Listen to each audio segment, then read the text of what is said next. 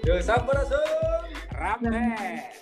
Masuk dan Ramang kembali lagi di Campus Podcast episode Episode 3.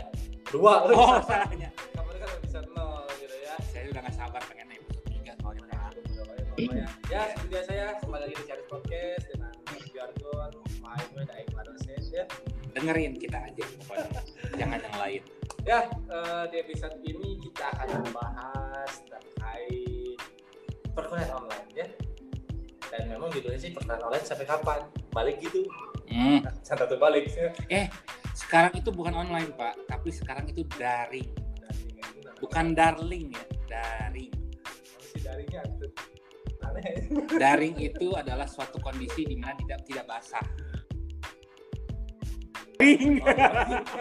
Ayo itu tapi kan. Oke, untuk di episode kali ini kita tidak hanya berdua, tapi kita ditemani oleh mahasiswi rock and roll. si cantik lah. Cantik lah. Ya, untuk kita bisa berdiskusi, berkomunikasi karena eh, di episode kita tidak ingin membahas dari sudut pandang dosen saja. Ya, kami mengundang mahasiswi juga untuk bisa membahas topik ini. Here we come, Puan Fatulila. Halo Bapak. Ih, So imut lu.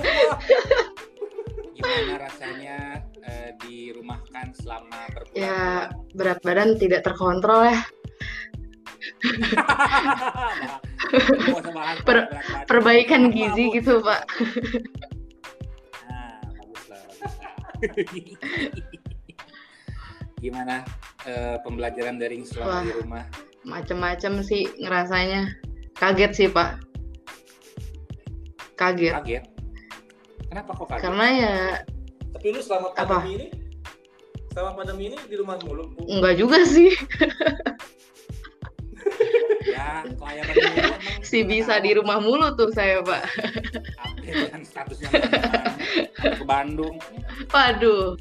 Itu setelah lepas PSBB langsung ke Bandung. Waduh, bener dah. Agak ini ya. Oke, ya eh, kita bahas mungkin ya mulai nyambung ya. Oke, Karena siap. hal ini ya nanti Puan kita mengalir saja ya kayak tai ngambang. Bau dong. Oke, jadi memang perkuliahan online ini ya baru sih bagi saya pribadi, Pak Widi baru tuh. Saya baru, baru, baru. Saya tidak pernah nggak online. dulu sebelumnya kuliah jauh atau sekolah jauh? Enggak, enggak pernah sih. Makanya kaget banget baru ngadepin kayak gini. Ini pengalaman baru juga sih buat kita Mm-mm. semua ya. Tapi saya pacaran Aduh. sering, Pak. Aduh, aduh, LDR. Aduh, aduh, aduh, aduh.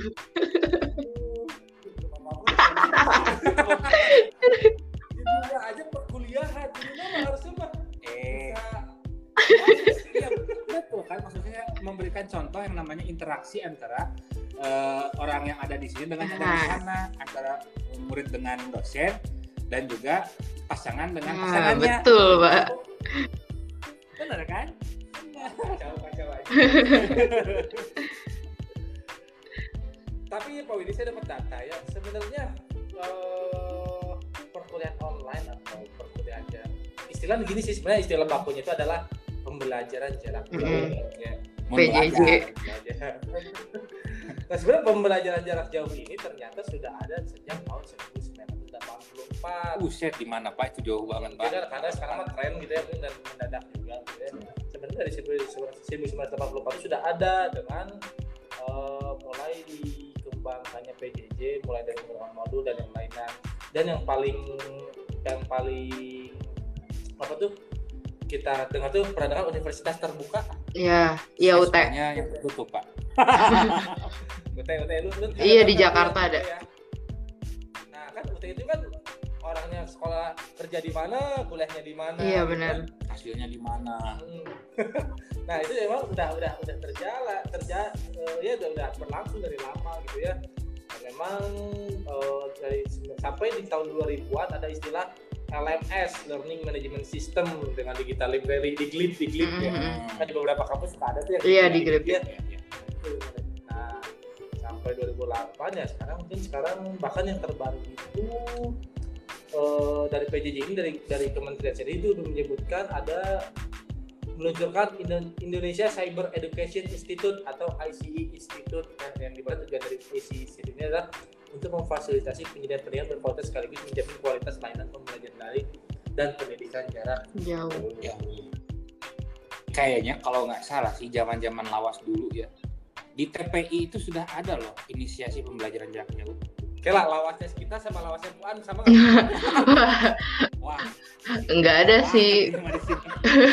Cuma kan kalau zaman saya misalkan kayak difasilitasin di YouTube gitu kan, video jatuhnya. Iya. Itu jatuhnya PJJ apa Benar, bukan tuh, Pak? Sekolah belum ada YouTube-nya. Belum ada YouTube kita. Benar, zamannya Puan mah YouTube mainnya dulu di TPI. Kan dulu juga judulnya kan Televisi Pendidikan Indonesia. Oh iya bener. Ya, kita dididik di TPI dengan apa? India. Dangdut. Kuis apaan? Lari-larian di taman gitu ya, Pak? Nah,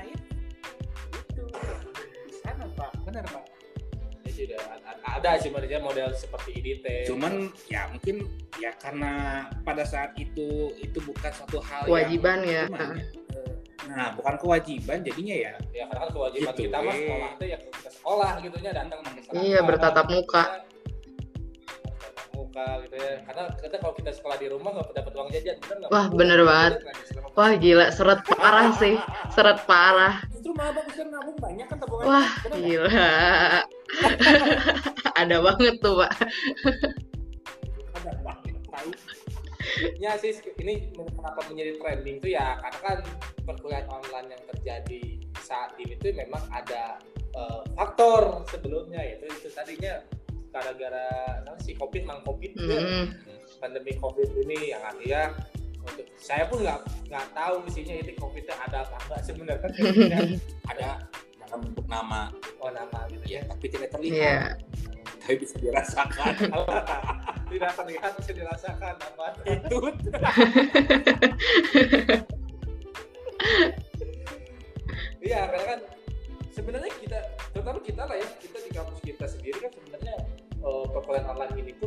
berjalan setengah semester sebenarnya Mm, bener. Nggak nyampe setengah semester malah. lima pertemuan ya bukan masalah Setelah UTS nggak sih? Hmm. Gua agak prosesnya sempat masuk Iya kan, masuk kan. makanya. Pokoknya pas kan bulan Maret mulainya. Mulai Maret akhir. iya Maret bener bener bener bener Maret, Baru ya. berjalan setengah. Mm-mm, lah. setengah. Iya, setengah dan ya dan ini gue juga dapat data sih bahwa ternyata dengan adanya pandemi karena covid pandemi covid ini ya UNESCO mencatat 50% populasi siswa dunia sekarang tidak bersekolah. Jelas. Eh, terus di Indonesia sendiri itu ada 43,4 juta, sedangkan untuk mahasiswa sendiri ada 8,1 juta. Jadi memang ini berdampaknya panjang dan ini seperti ya perkuliahan online ini berlangsung karena ada kondisi darurat. Mm-mm. Ya. Time yang khusus, intinya Dadakan semua. Kayak dadakan. sambel, tahu, dadakan. Tahu bulat ya Pak. Tapi dari mahasiswa sendiri dengan kondisi kayak gini, kaget kan, Bu, sebenarnya. Kaget lah Pak. Kaget keuangan. Kaget yang lain-lain juga.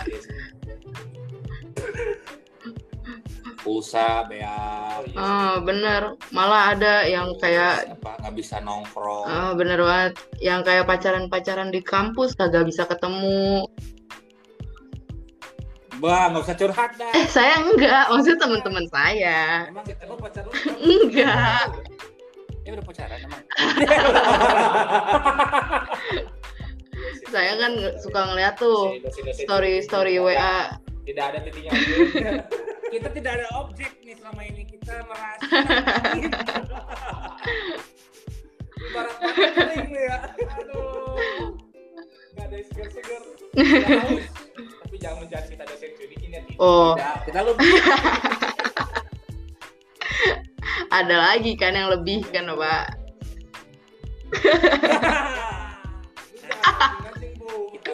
Oke. Oke lagi.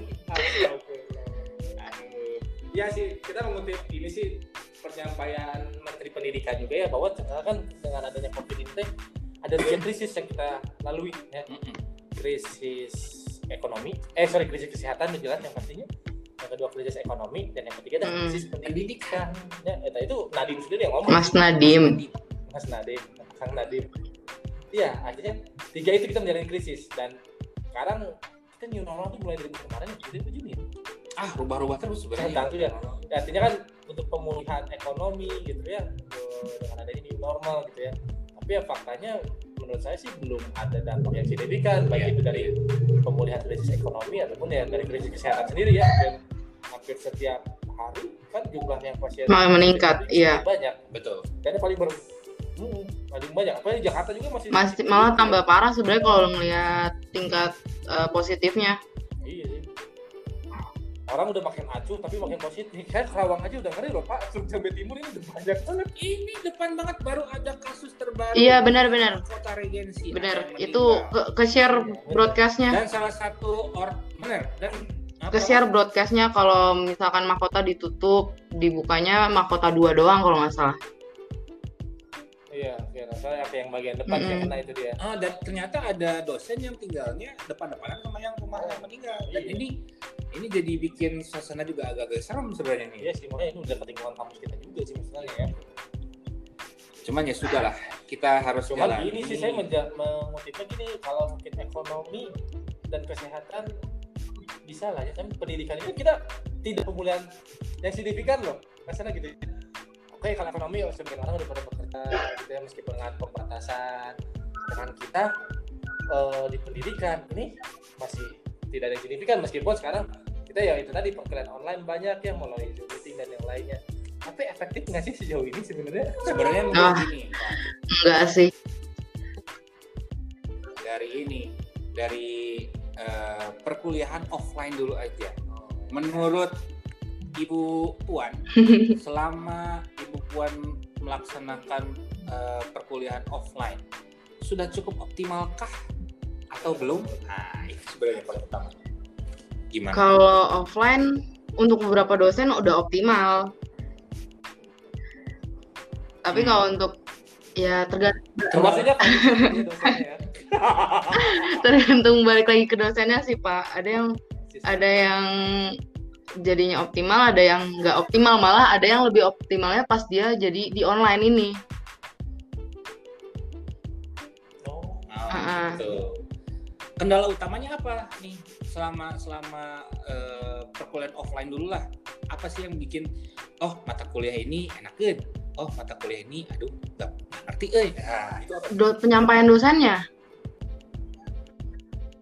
Ah, ah. Penyampaian dosen. Oke. Jadi di maksudnya ini penyampaian dosen di, di offline jadi di Offline. offline kadang penyampaiannya kurang jelas gitu pak terus dia kadang beliau kadang nggak ngasih PPT cuma ngasih eh, apa namanya catatan cuma dikasih unjuk PPT udah Mm-mm, ngasih nah, kayak gitu. Jadi, udah mah PPT yang dijelasin cuma 4 slide dan yang dijelasin ke mana-mana gitu jadi mending ya anak fakultas dia? tahu lah pasti Bapak Oji.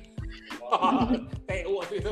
Terus men- ma- malah mendingan yang di online malah pas di online dia ngejelasin eh, sesuai yang di PPT dan PPT-nya dikasih gitu jadi kayak eh, minimalisir waktu kalau di online mah Ah, oke berarti sebenarnya Mm-mm. ada, ada sisi bagusnya. Iya, tapi untuk- tapi gini sih saya mengutip nih mengutip bahwa ada beberapa masalah pendidikan di Indonesia ya menjadi penting itu adalah quality, equity, accessibility dan relevance. Nah terkait quality ini yang terkait mutu pendidikan yang masih rendah belum dapat bersaing dengan negara lain. Tuh ya yang kedua berikutnya adalah equity masalah pemerataan pendidikan, pemerataan sarana prasarana mutu sekolah sebagai dan pendidikan kesempatan pendidikan bagi siswa ataupun mahasiswa. Ya yang kampusnya di kota dan kampusnya di desa kayak di mana? Itu pasti berbeda ya gitu ya itu yang kedua. Ketiga adalah accessibility permasalahan akses terhadap pendidikan akses terhadap sekolah pendidikan dan lainnya juga relevan keterkaitan dengan pendidikan dengan kebutuhan dunia kerja usaha dan industri serta masyarakat global di era ekonomi bebas. Hmm. itu sih itu masalah pendidikan secara umum sebenarnya. Ya Jadi kalau memang melihat apa yang disampaikan Tuhan gitu ya memang sebelum kita berbicara jauh terkait pembelajaran online pembelajaran online eh, pembelajaran offline itu sebenarnya Mm, banyak masalah. Iya, ya, Pak, ya? iya, iya.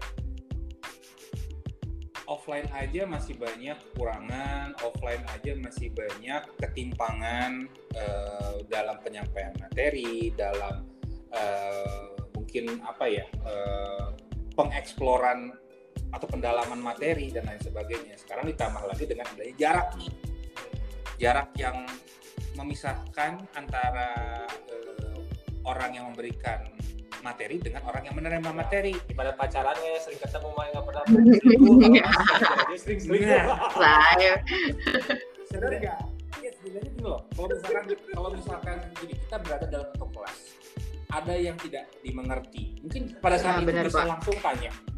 Sekarang dengan adanya online eh, online bisa kita hitung kan eh, apa namanya medianya? Ada Google Form ada Google Classroom ada Zoom dan lain sebagainya. Apakah itu sangat mengakomodir atau tidak terhadap proses pembelajaran yang serupa dengan di kelas? Saya pikir tidak sama 100% justru dengan begitu. Ya sebenarnya gini sih pelaksanaan kegiatan pendidikan gitu ya.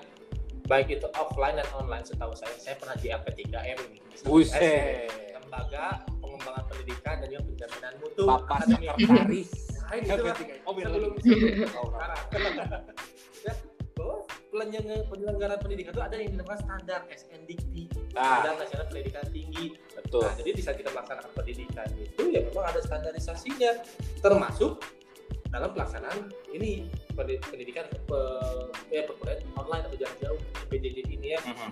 Di antaranya apa aja komponennya nih? Ada standar kompetensi lulusan, standar isi pembelajaran, standar proses pembelajaran, standar penilaian pembelajaran, pendidikan terhadap pendidikan, pelaksanaan sarana, standar pembelajaran, juga standar pembelajaran. Jadi emang ya kalau saya sih melihatnya tidak efektifnya itu baik pembelajaran itu karena itu tadi mungkin standar-standar itu belum ter, tercapai capai gitu.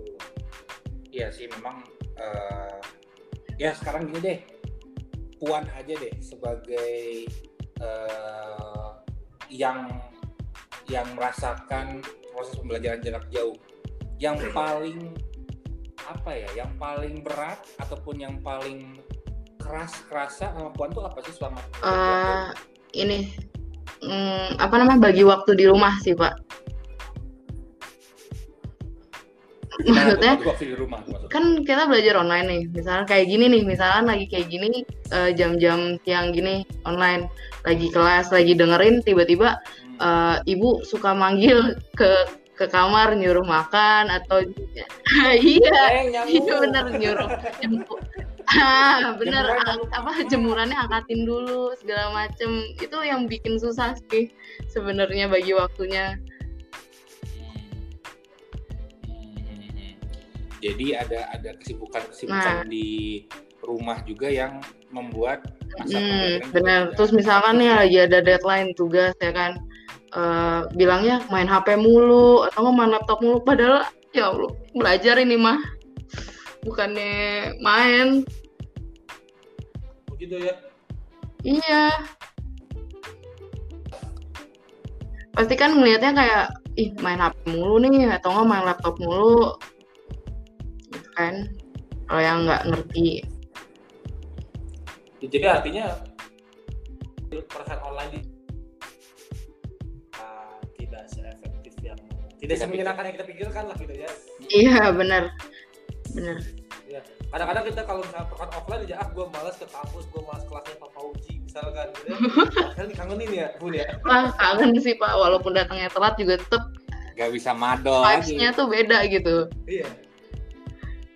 Oh, malasnya beda sih harga. Manusia memang ya.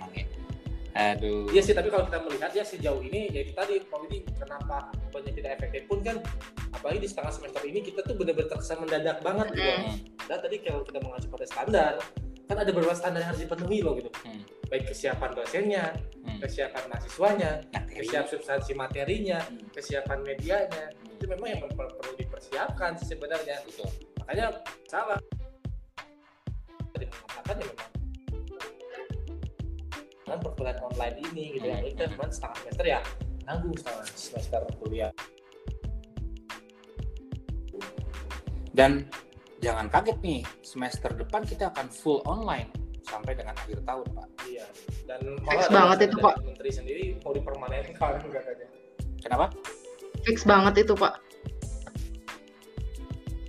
iya fix banget buat semester depan Wow. jadi siap-siap lagi siapin banyakin kuota siap uh, bikin plang di pintu kamar do not Nah, because tuh, bener banget. masa pembelajaran Gini sih, ini nih saya dapat eh, data lagi bahwa tantangan kita dalam pelaksanaan pembelajaran daring atau pem- pembelajaran online ya pertama adalah ketersediaan sarana ICT Benar. ya Hmm.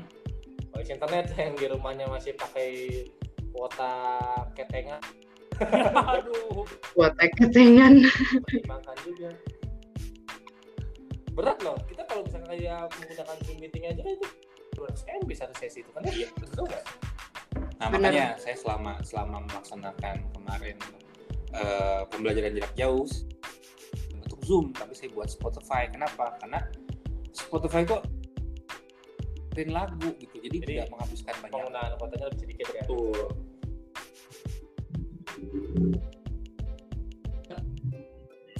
laptopnya, smartphone-nya. Bahkan saya kemarin sempat be- be- melihat beberapa berita ironis sekali seorang ayah mencuri laptop agar anaknya bisa berkuliah online. Nah, Sedih nggak sih? Kayak Sedih gitu? banget. iyalah pasti pasti. Gitu kan nanti ironis. Terus yang kedua adalah platform teknologi gitu ya. Nah ini kadang-kadang menjadi dosen pun harus punya persepsi gitu loh bahwa platform teknologi untuk kita memberikan pe- pembelajaran itu tidak hanya pada meeting sebenarnya gitu ya banyak software LMS yang kita bilang seperti apa aktivitasnya assessment toolsnya itu apa gitu ya itu yang terus yang berikutnya juga adalah terkait literasi ICT sendiri ya penggunaan LMS basic ICT seperti Hmm. apa apalagi kalau yang dosen sepuh-sepuh gitu ya. Gimana bu? Dosen sepuh-sepuh selama perkuliahan online? Ya gimana ya Pak? ya kalau kita yang muda-muda relatif bisa adaptif lah ya akan kondisi ini ya. Sepuh-sepuh ini nih yang masih khawatir. Terkendala pasti. literasi ICT-nya berat gitu. Pasti kayak nggak dan eh. media bahan nggak semuanya ngerti juga Pak.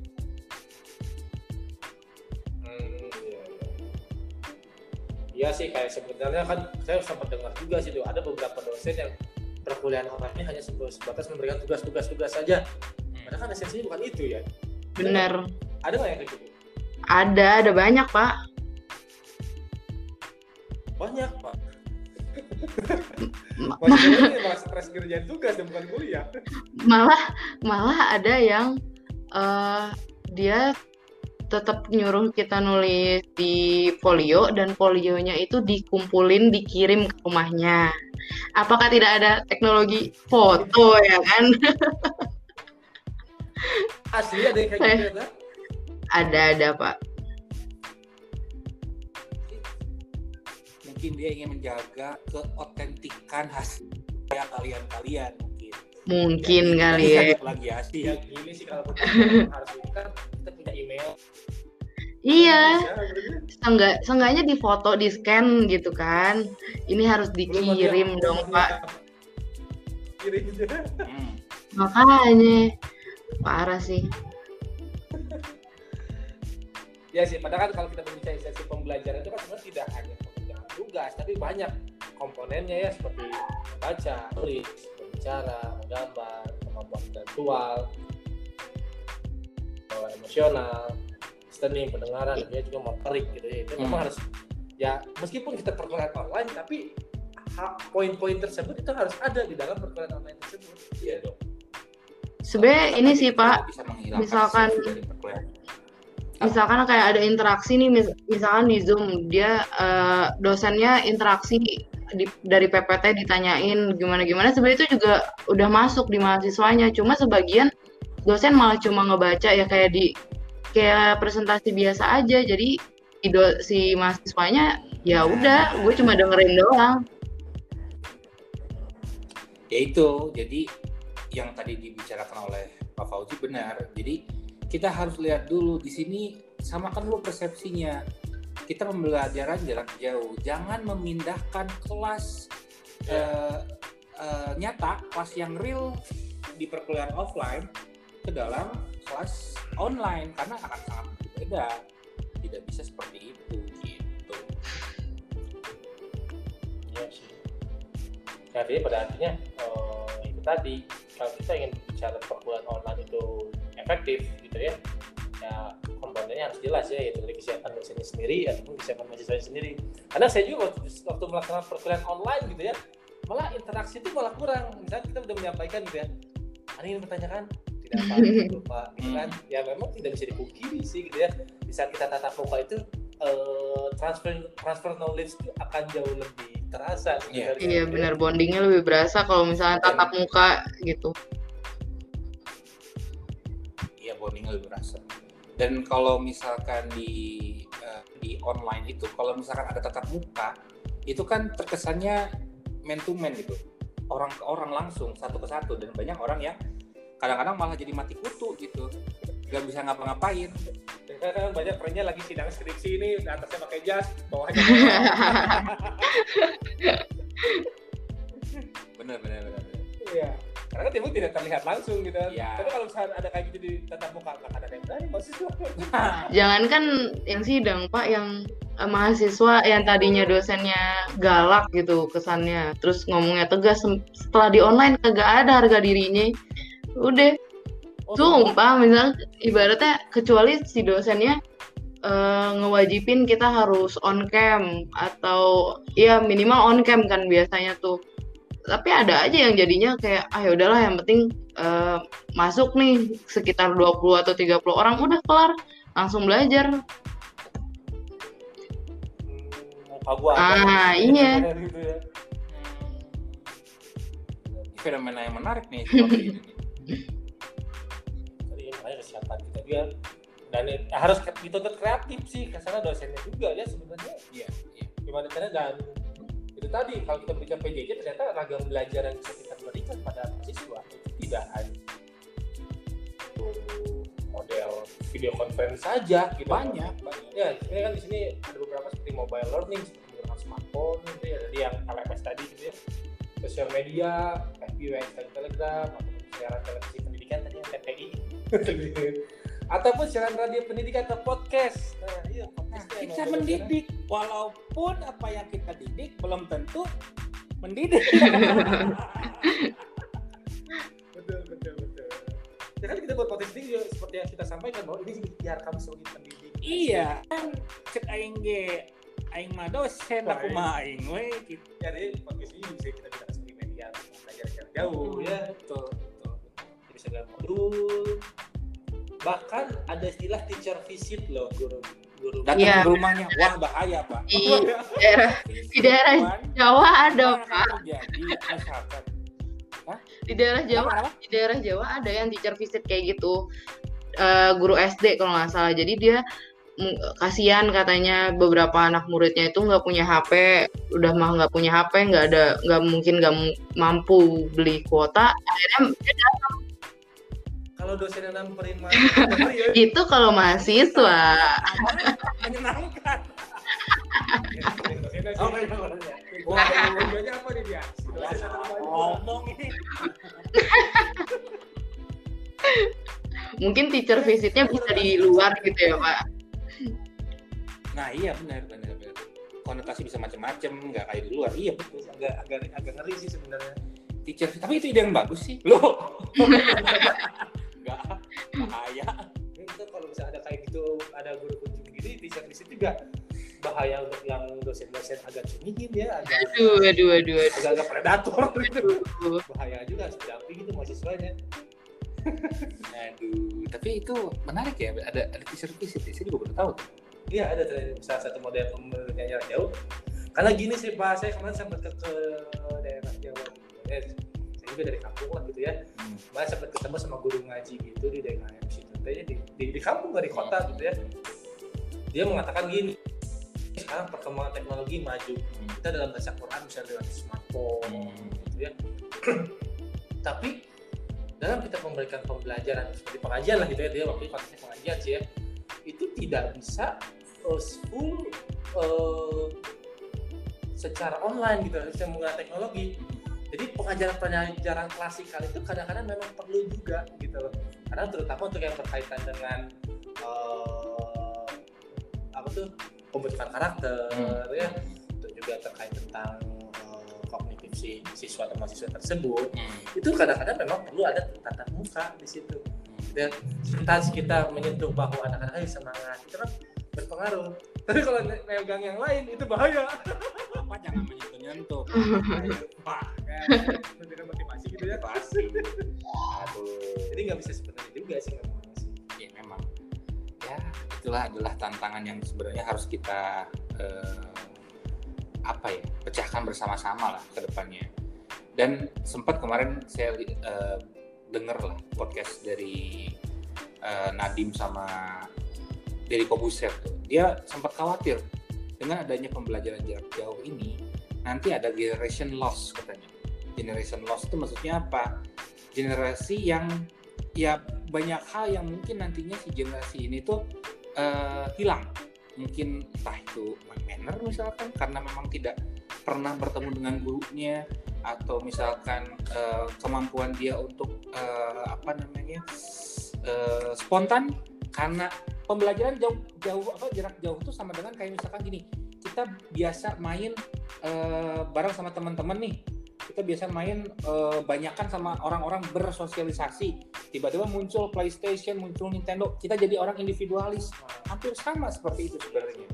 Jadi ya itu nanti yang ditakutkannya gitu makanya dia sempat agak-agak uh, galau dengan kebijakan si uh, pembelajaran jarak jauh ini Nadim sekarang. Tapi mahasiswa sendiri merespon akan kebijakan menteri gimana sih Bu? Pasti kalau balik lagi ke yang pernyataan Pak Nadim tadi serba salah nggak sih dia mau online yeah. juga keadaannya begini, cuma offline juga pandemi. Yeah. Kalau mahasiswa sendiri sih menurut saya gimana ya? Uh, ada pengen online pengen offline-nya juga pasti. Apalagi yang mahasiswa mahasiswa akhir kan udah pengen pengennya on apa offline aja. Tapi di satu sisi juga mungkin kalau soal keuangan kita lihat dari keuangan ya mending online ya kan mending di rumah aja kayak gitu. Ya masalah selalu gitu pak. Pasti ada sisi baik dan sisi buruk. Mm -hmm. tapi bagaimana kita bisa menyikapi itu ya? Handling iya, seperti apa tapi mas ini semester depan sudah di depan mata nih bagaimana persiapan dan harapan? Mungkin dari sudut pandang dosen atau sudut pandang mahasiswa terkait perkuliahan online di semester depan? Kayak saya kira kayaknya mungkin dari dari mahasiswa dulu kalau okay. dari menjadi penderita. Kalau saya sih asli bener-bener semester ini tuh digantung banget ya. Kayak dari KKN aja belum jelas. Mau ngambil oh iya bener mau ngambil mau ngambil PKL juga belum boleh. Itu bener-bener digantung banget. Jadi pengennya sih kalau misalkan pun kelanjutannya online satu semester lebih diperjelas gitu. Ini KKN-nya mau seperti apa. Terus uh, mata kuliah yang kan mungkin ada yang belum ambil MP, MP apa sih tuh RPS, RPS lagi. Ah, MPPS itu kan kalau kayaknya kalau online kurang greget gitu ya Pak. Jadi lebih apa ya? Lebih offline aja. Nah, makanya kayak kemarin rancop juga saya dengar dari semester yang bawah bingung teh kalau misalkan uh, online offline aja saya bingung gimana ya? online ya kan jadi lebih mungkin lebih tersusun aja kali ya misalkan memang lebih online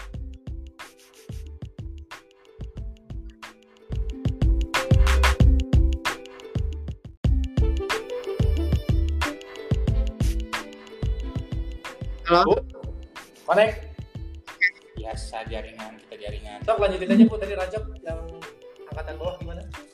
Nah, kayak yang angkatan bawah aja tuh bilang pas lagi rancop kan mereka dapet tuh rancop kemarin bukan rancop ya namanya ya yang baru ya pak oh ya biometrik terapan namanya iya biometrik terapan tuh katanya aduh gak ngerti teh ini gimana dapetnya dari sini kayak gimana asalnya kayak gimana tuh mereka nggak tahu. Jadi ya udah jadinya kayak ngerjain doang. Ya maksudnya kita aja pas lagi offline aja kurang ngerti gimana yang online.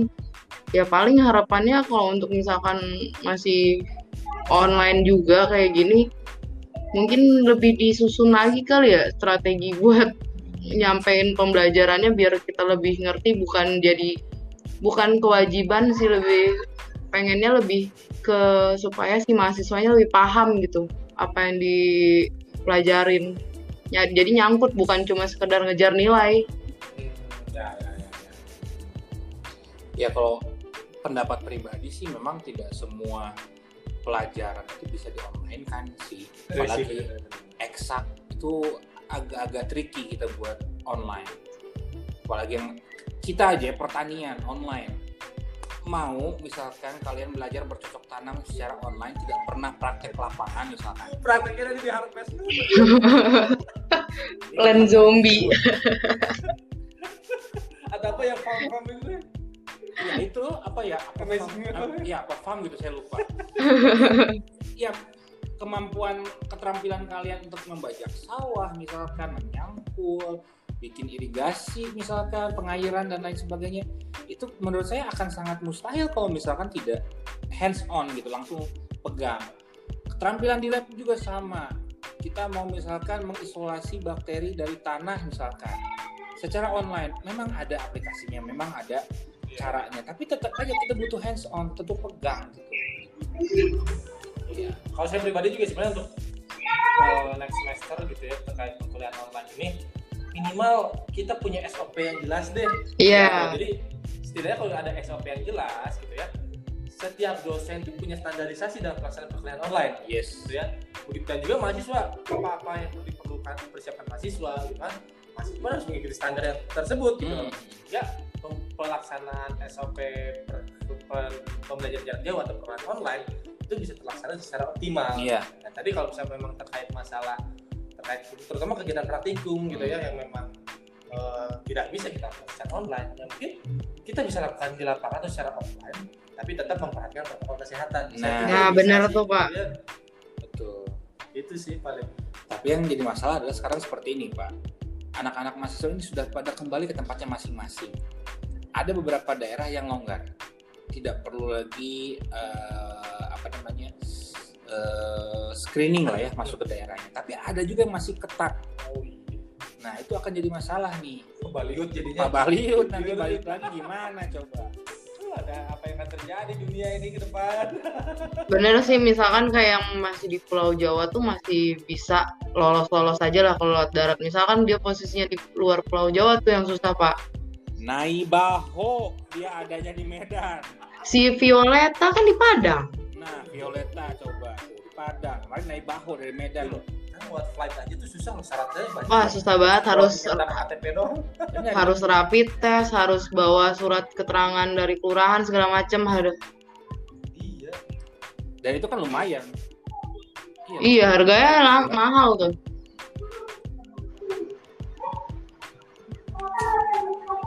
itu ya Ini Emang. pusing juga ya. kendalanya kita mengajar jarak jauh. Karena yang bisa sampaikan tadi tentang krisis pendidikan memang betul krisis juga krisis. sih. dia, takut makanya. Itu. Pak Widi mungkin kemarin terakhir harapannya? Kalau harapan saya sih sebenarnya sih gini eh, menurut saya pribadi ya pembelajaran jarak jauh itu eh, tidak sepenuhnya merugikan. Ada ada apa ya ada ada keuntungannya juga. Kenapa? Karena dengan pembelajaran jarak jauh eh, beberapa part dari materi perkuliahan itu terutama perkuliahan yang eh, agak sulit itu bisa eh, direkam dan bisa diputar berulang-ulang sehingga capaian pembelajarannya itu bisa tercapai dengan baik. Karena kalau misalkan kalian nih kuliah dengan pembelajaran yang berat, saya yakin dah dalam apa namanya nyatet kalau misal kalau tidak misalkan buat resume dan lain sebagainya mungkin tidak lebih baik apa tidak akan lebih baik dibandingkan dengan memang materi itu dibuat secara online. Tapi di sisi lain tidak semua itu perlu di online kan. Ada perlu juga yang kita harus buat secara offline. Terutama praktikum, terutama hal-hal yang sifatnya apa ya? keahlian. Itu tidak bisa dilaksanakan hanya dengan cara online. Harus dengan offline. Kita harus ada hands on di sana. Jadi ya eh, balik lagi sih kita melihatnya dari sisi apa sih online dan eh, pembelajaran online ini gitu. Eh, sisi baiknya ada, sisi buruknya ada, tinggal bagaimana cara kita menyikapi- menyikapinya gitu. pada akhirnya sih sebenarnya goal setelah Iya. semua kembali normal seperti semula berarti ya Iya, iya. Aduh, Bisa jalan-jalan sore, kalun-alun. Aduh, bisa nongki di kantin. Nah, Iya sih, itu Wah, kadang-kadang bener, Pak. di lingkungan kampus ya, Bu ya. Sih di? Jakarta juga kan waktu awal-awal ya mungkin kalau pas saya tuh di Bekasi eh, kayak kafe atau tempat nongkrong tuh masih boleh dine in di Jakarta tuh sama sekali nggak ada yang bisa dine in pak semuanya lah drive thru atau enggak ya dibawa pulang. Wah. Kita kangen juga lah Eh, di banyak sih gosip baru. Eh gimana nih? Kenapa kenapa? Ini yang pasti mah ini apa namanya eh, kalian ini lagi di masa-masanya eh, penuh dengan gejolak gitu ya penuh dengan ah benar. hal yang pengen kalian ekspresikan sekarang kalian dikungkung dalam suatu ruangan secara terus menerus itu kayak bom waktu tinggal nunggu kapan Iya kayak lebih yang kasihan juga kayak misalkan anak-anak yang baru masuk organisasi gitu loh pak lagi seneng-senengnya mereka organisasi eh pandemi berdampak banget pak. Orang nggak ada sama sekali belum belum ada proker yang jalan gitu ibaratnya yang langsung eh dan ada info terbaru penerimaan mahasiswa baru sekarang itu online proses iya fix dilakukan saya tahu online. Tak, dung. Tarak taktum 2020 jangan lupa nantinya. Buset, Apa itu? Bukan ospek, anjir. Lu ah, juga makanya aduh jangan ngomongin gitu nih pak saya masih bingung teknisnya ya kali gue marah-marahin laptop ya kan Di, ntar ditanya sama ibu kamu ngapain marah-marahin laptop? Iya. Gua disangka- takutnya disangka orang gila lu Buat sehat nantinya gitu. Aduh. ya itu paling kan untuk pembahasan episode ini ya. Oke Amin, Kita harus ya Allah. bisa normal kembali deh. Kita bisa bisa santai-santai lagi. Kampus cakep amin amin amin kumpul-kumpul lagi. iya kehidupan kampus yang sebagai mestinya kembali normal ya Ya, karena kehidupan kampus itu adalah masa-masa kehidupan yang sangat menyenangkan, tidak bisa diulang lagi. oh benar benar Orang bisa bilang SMA terbaik atau SMP terbaik, tapi jangan lupa kampus pun sama. Sebelum nanti kalian menikmati eh berjalannya kehidupan nyata medan peperangan. Masih mending sekarang kalian masih memiliki title. Mahasiswa. masih memiliki title mahasiswa. Sudah lulus. Welcome to jungle life. Iya benar iya pak Ya, sama-sama. Thank you juga ya puan ya. Udah gabung. Makasih di- loh sudah diundang. nanti kita oke kita mungkin berikutnya juga bakal mengundang lagi kali ya. Kan lebih ramai ya. Makanya ayo yuk. Dari bandingin tapi next episode bahas apa ya? Curhat curhat Mau curhat apa ke dark life kampus kali ya. Itu yang gua tunggu. Oke, ya, untuk episode depan kita akan bahas suatu topik dulu, tapi kita akan lebih ke saya sudah tidak sabar untuk membahas hal yang tidak serius Oke, mungkin depan kita akan sesi curhat, maka nanti ikutin aja perkembangannya di IG kita ya di Candos Podcast. oke jangan lupa apa slogannya? Maing we daing mana oke assalamualaikum warahmatullahi